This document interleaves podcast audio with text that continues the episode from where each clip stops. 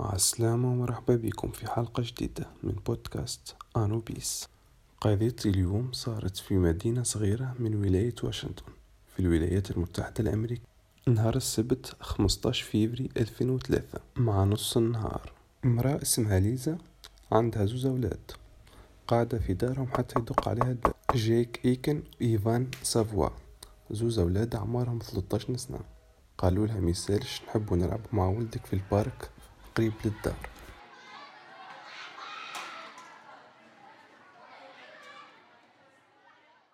ولد ليزا كان اسمه كريك حتى هو زاد عمره 13 سنة. وكان أوتيست مريض بمرض التوحد. وهذه كانت أول مرة يجي شكون يحب يلعب معاه. هذاك علاش أمه وافقت وقالت ميسالش كريك فرح على الآخر. بس أمه قالها نحبك وخرج مع جيك وإيفان.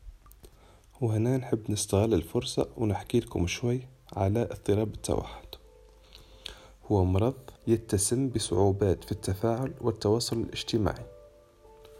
يلزمكم تعرفوا اللي واحد على تسعة وخمسين طفل في أمريكا عندهم اضطراب التوحد. التوحد عنده نسبة أكثر يجي للأولاد أكثر من البنات. أربعين بالمية من الأطفال المتوحدين ما يتكلموش بالكل. وثمانية وعشرين بالمية الطفل المتوحد باش يلتجئ لإيذاء نفسه. سبعين بالمية من الأطفال المتوحدين ينجموا يكملوا قرايتهم normal. الأطفال المتوحدين عندهم ضعف النسبة باش يتعرضوا للتنمر. وهكا خلينا تو نرجعوا لحكايتنا. طاح الليل وظلمت الدنيا وكريك مازال ما روحش. ليزا أمه بدأت تتحير. تعرف اللي ولدها يخاف برشا من الظلمة؟ ومستحيل يقعد تظلم الدنيا وما يروحش. ليزا كلمت les parents متاع جايك وإيفان. باش تشوفهم روحوا ولا مازالوا حتى هما. لقاتهم روحوا عندهم برشا. ليزا ركبها الهلواس ودخلت فيها غولة ومعاش تعرف تتصرف. كلمة الشرطة وحكت لهم الحكاية. اللي ولدها خرج مع زوز أولاد ويلعبوا في البارك قريب للدار زعما حسب رأيكم شنية لقات الشرطة في البارك؟ لقاو جثة لطفل صغير مغطية بأوراق الأشجار. مضروب على راسه ظهره ورقبته. ولقاو اثنين وأربعين طعنة في بدنه الكل. زعما شكون اللي نجم يقتل طفل صغير بالوحشية هذه؟ ليزا تعرف اللي جيك وإيفان هما آخر زوز خرجوا مع كريك جوه للدار وهزوه معاهم للمنتزه باش يلعبوا.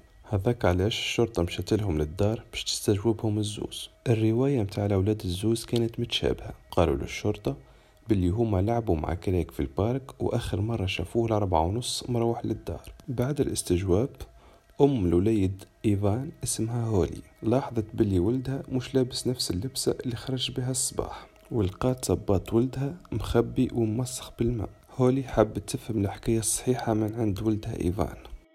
كيف واجهته؟ إيفان بدا يبكي. وحكى لها حكاية مش نفس اللي حكاها للشرطة.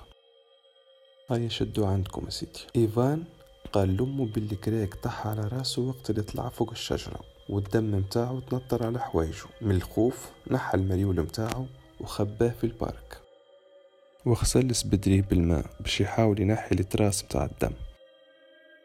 هولي خبرت الشرطة وحكت لهم الحكاية اللي حكاها لها ولدها. وبالطبيعة هما باش يزيدوا يستجوبوا جايك. خاطر الحكاية الأولى اللي حكاها ماهيش مطابقة لاعترافات صاحبه إيفان. إيفان قال لهم اللي باللي كريك طلع وحده فوق الشجرة ومن بعد طاح. أما جيك قال لهم اللي هما ثلاثة طلعوا يتشعبطوا فوق الشجرة. أما جريك الوحيد اللي طاح. بيع هذا الكل ما يجدش على الشرطة. خاطر مستحيل تكون الأضرار هذيك الكل ناجمة عن طيحانه من الشجرة. ها يا سيدي بن سيدي شدوا عندكم. نتيجة التحليل الجنائي شنو تقول؟ كريك لقاوه ماكل طريحة تنبش لقبور قبل ما يموت. أثار العنف خاصة على راسه ورقبته ولقاو أثار متاع 42 طعنة متاع سكين. 34 طعنة على مستوى الرأس والرقبة وثمانية طعنات على مستوى الظهر.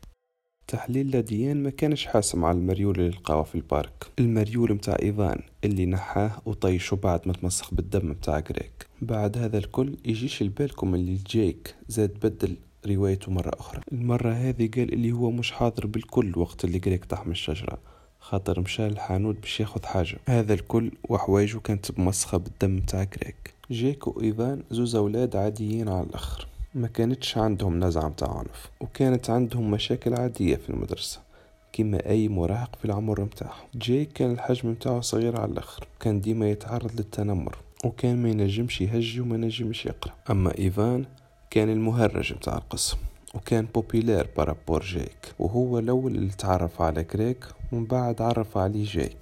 في الاعترافات جيك يحكي اللي هو مبهور بصاحبه إيفان. على خاطر كان يلقى راحته بحذاه ويكون على طبيعته أكثر وما كانش يتصنع كما كان يعمل مع أشخاص أخرين. وكان يعتبر إيفان باللي هو صديقه المفضل. على عكس إيفان اللي قال أنه جيك بالنسبة ليه في مرتبة أقل من الصديق. آخر مرة جيك يغير أقواله باش يهرب من تهمة القتل من الدرجة الأولى ويشهد ضد صاحبه إيفان. واعترف بدوره في قتل غريك اللي القاضي اعتبرها قتل من الدرجة الثانية وحكم عليه 14 سنة.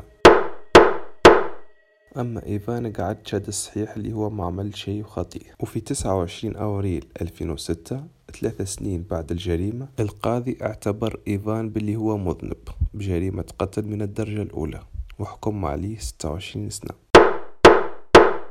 الجريمة هذه خلقت ضجة كبيرة والرأي العام انقسم إلى قسمين. واحد يقول بسبب فظاعة الجريمة والعنف المسلط على الضحية جيك وإيفان يلزم يتحاكموا على أساس إنهم راشدين وتتسلط عليهم أقصى العقوبة. والنصف الثاني يقول باللي هما مازالوا صغار هذاك علاش يلزم يتحطوا في الإصلاحية. لكن بعد هذا الكل حد ما يعرف السبب الحقيقي اللي خلى جيك وإيفان يقتلوا صاحبهم غريك بالرغم من كونه من ذوي الاحتياجات الخاصة. وانتوما حسب رأيكم. شنو اللي يخلي زوز أولاد صغار أعمارهم 13 سنة يرتكبوا جريمة بالبشاعة هذه At the tender age of 12, Jake Eakin went from a small town boy in eastern Washington to accused murderer. 911 emergency. Yes, I have a missing child. It was February 2003. 13 year old Craig Sorger was viciously beaten and stabbed to death in a wooded area near his home in Ephrata. Ephrata ambulance, Ephrata Fire Department, respond to Oasis Park, southwest of the ponds. His mom says two boys came to her door Evan Savoy and Jake Eakin. They were asking if Craig, who was considered mildly autistic, could come out and play. I don't trust who he is with, is my, my problem. It was the last time she saw her son alive. How long's he been missing? About three hours. Craig's body was found that night covered in leaves and dozens of stab wounds right at this point in PD, they're going to treat it as a homicide. Police immediately suspected Savoy and Eakin, and despite their initial claims that Craig fell out of a tree, both boys were charged as adults with first degree murder, making Jake the youngest in Washington history to face those charges as an adult. Mr. Aiken, to the charge of murder in the first degree, how do you plead? But in 2006, Eakin abruptly reversed course. He accepted a plea deal on second degree murder by complicity. You solemnly swear or affirm to tell the truth under penalty of perjury. In court, he testified that Savoy had been the ringleader, first attacking Craig with a large rock, then beating him with tree branches and stabbing him dozens of times with a knife. He said he wanted to go to Kings Free. Jake was eventually sentenced to 14 years in prison and Savoy 26 years. Craig got justice today, didn't he? At that time, Jake tells me he was filled with anger. حلقتنا لليوم وفات تنساوش تتابعونا على الانستغرام وتخلونا تعليق على حلقة اليوم كالعادة الحلقة تسمعوها على سبوتيفاي جوجل بودكاست وأبل بودكاست وتوا نقولكم نتلقاو في حلقة جديدة. في لمان وباي باي.